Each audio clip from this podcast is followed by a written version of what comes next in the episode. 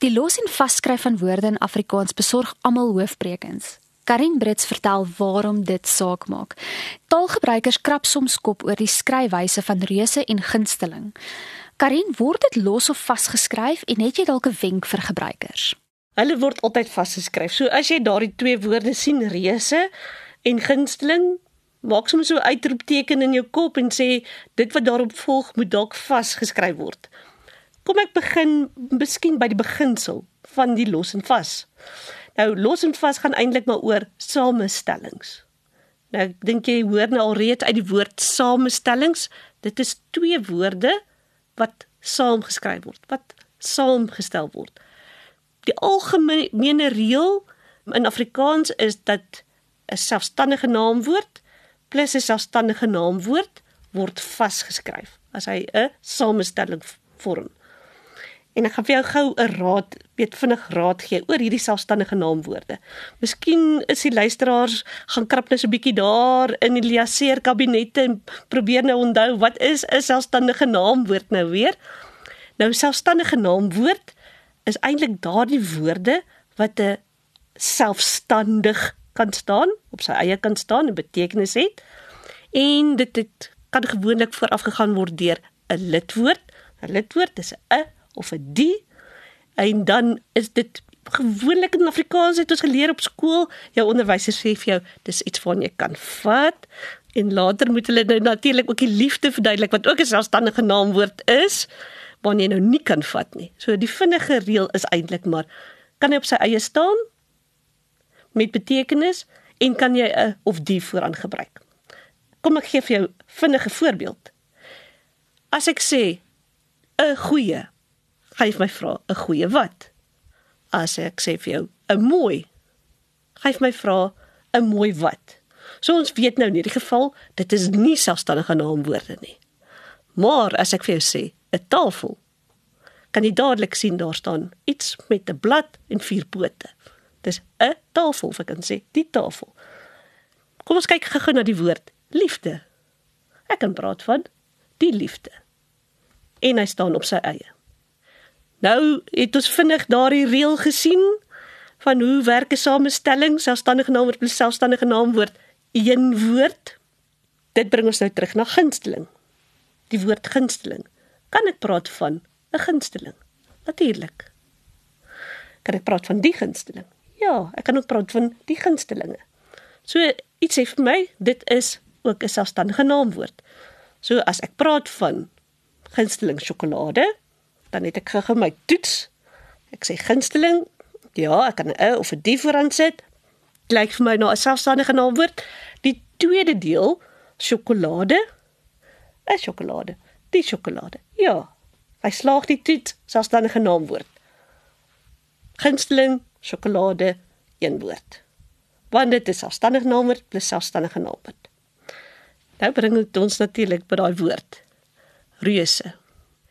Nou die ding met reuse is dit lyk ook vir ons na 'n byvoeglike naamwoord. Met ander woorde daai woord wat 'n ander woord beskryf. Wat 'n selfstandige naamwoord beskryf. Maar in hierdie geval is dit 'n vaste ehm um, deel van 'n woord. Miskien kan ons dit is dalk nou nie 'n baie goeie redenasie nie, maar vir onsself om te onthou 'n reus die reus en dat daai e dan maar dan soos 'n 'n 'n voegsel lyk wat dan nou maak dat jy iets kan hê soos 'n reuse sjokolade wat natuurlik 'n groot sjokolade is. Maar goed, ons wees maar eerlik, reuse laat ook die taalkundiges bietjie kop krap. Oor hoekom moet dit nou eintlik vas wees? Nou sê die stel die taalkundige nie die taalkundige nie, taalpraktisyn in my om seker te maak dat al my tekste dieselfde is en dat ek aan die norme voldoen dat ek reuse gaan vaskryf of dit oor 20 jaar die geval gaan wees en of mense gaan besluit dat hy eintlik eerder soos 'n byvoeglike naam woord optree. Nou ja, dan is dit vir die taal taalpraktisyns van daardie tyd nodig om te besluit. Maar op hierdie stadium is reuse altyd vas. Kan jy aan dalk aan 'n paar voorbeelde dink waar woorde uh, losgeskryf word en wat ook dikwels probleme oplewer? Ek dink nou byvoorbeeld die Jan om verskoning of huis toe. Ons het nou natuurlik op skool geleer die groot verskil tussen Afrikaans en Engels is Afrikaans skryf maar net al die woorde vas en jy's reg en Engels skryf maar net al die woorde los en jy's reg. Dis natuurlik 'n baie gevaarlike riglyn want ons het natuurlik woorde in Afrikaans wat los geskryf word. En om een of ander rede het iemand besluit dat dit vasgeskryf moet word. Dis nie reg nie. As ons praat van op pad, twee woorde. Huis toe. Twee woorde. En baie belangrik, ons vra nie onverskoning nie. Ons vra om verskoning en uh, daardie om is 'n voorsetsel en daarom is hy los van verskoning. Dieselfde natuurlik ook met op pad en huis toe. En hoe maak 'n mens dan met woorde soos witwynglas of 5 liter bottel in plaas van 5 liter bottels? Nou die los en vas kan ons natuurlik baie probleme veroorsaak as dit gaan oor die betekenis want daar is 'n groot verskil as woorde los geskryf word en dan wanneer hulle vasgeskryf word. Nou goed, ons stem saam 'n woord soos 'n kombuistafel as hy nou losgeskryf word, gaan mense nou nou nie regtig 'n probleem hê nie. Hulle gaan darm weet dit is dit is daardie tafel wat in die kombuis staan. Maar dit raak problematies met die volgende woorde en um, ek gaan hulle gou vir jou gee en dan gaan ek vir jou die rede gee oor hoekom hulle los in vasgeskryf word. Nou as ek wit wynglase het, met ander woorde wit spasie wynglase. Ons het mos nou saamgestem, wyn selfstandige naamwoord, glase, selfstandige naamwoord. Die twee moet tog nou saam wees, 'n samestelling. Wat maak ek nou met daardie wit? Jy sal my saamstem, daardie wit tree op as soos 'n byvoeglike naamwoord. Hy beskryf die wynglase. Maar dan is daar sy maatjie, wit wynglase, wat een woord is. Nou kom ons kyk wat s'ie verskil en hoekom moet ons weet. Nou wit wynglase Daardie wit beskryf die kleur van die glase en daarom word dit losgeskryf. Nou jy weet mos nou ek kom hier uit die noorde. Is nou hier in Gauteng en ek is nie baie goed as dit by wyn kom nie, nê.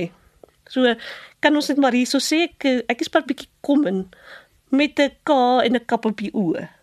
So ek het hierdie plastiek glase by die huis en hulle is wit en ek gooi sommer baie ys by daai witwyn. Sommer sommer by die rooiwyn ook, maar goed, ons sal nou maar nie die Kaapse luisteraars ontstel nie, né? Nou daardie wit wynglase is die kleur van die glase. Ek kan natuurlik rooiwyn ook daarin gooi. Of ek kan my rosé daarin gooi. En om verskeie redes mag ek dalk ook besluit om my brandewyn daarin te gooi. Maar dit is die kleur van die glas. Die ander een waar hy vasgeskryf word, witwynglase, Daardie wit beskryf die wyn. Dit is die soort wyn.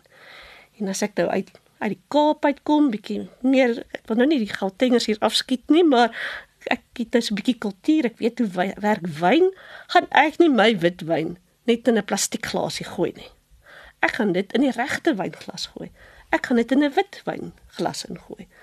En dit gaan nou by onderskei of ek daar om 'n braaivleisvuurtjie sit en net 'n wyntjie wil drink en of ek hier aan 'n mooi tafel sit en ek druk die regte wyn uit die regte glas uit. So die witwynglas is dan nou vas omdat dit die wyn beskryf en as ek hom loskryf dan beskryf dit die glas. En dit noem ons in Afrikaans samestellende samestellings. Nou 'n ander voorbeeld om te illustreer wat die verskil kan wees tussen iets wat los en vasgeskryf word. As ek byvoorbeeld 5 liter bottels 5 spasie liter bottels gebruik, en dan sien ek daar's 5 bottels wat elk 1 liter neem. En dit kan nogal verskil wees as ek iets bestel en ek wil 5 afsonderlike bottels hê wat 1 liter afgemeet is. 5 liter bottels, daar kan meer as 1 bottel wees, maar hierdie bottel neem 5 liter. So ek kan dalk vies wees as ek my bestelling plaas vir 'n 5 liter bottel en ek kry 5 liter bottels. Karine, wat maak 'n mens met sosiale media teenoor sosiale media platform?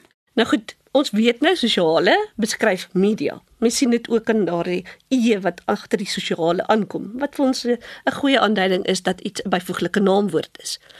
Maar ons het natuurlik ook goed wat ons gebruik sosiale media platforms. Dit is nou daai platforms waarop die sosiale media is.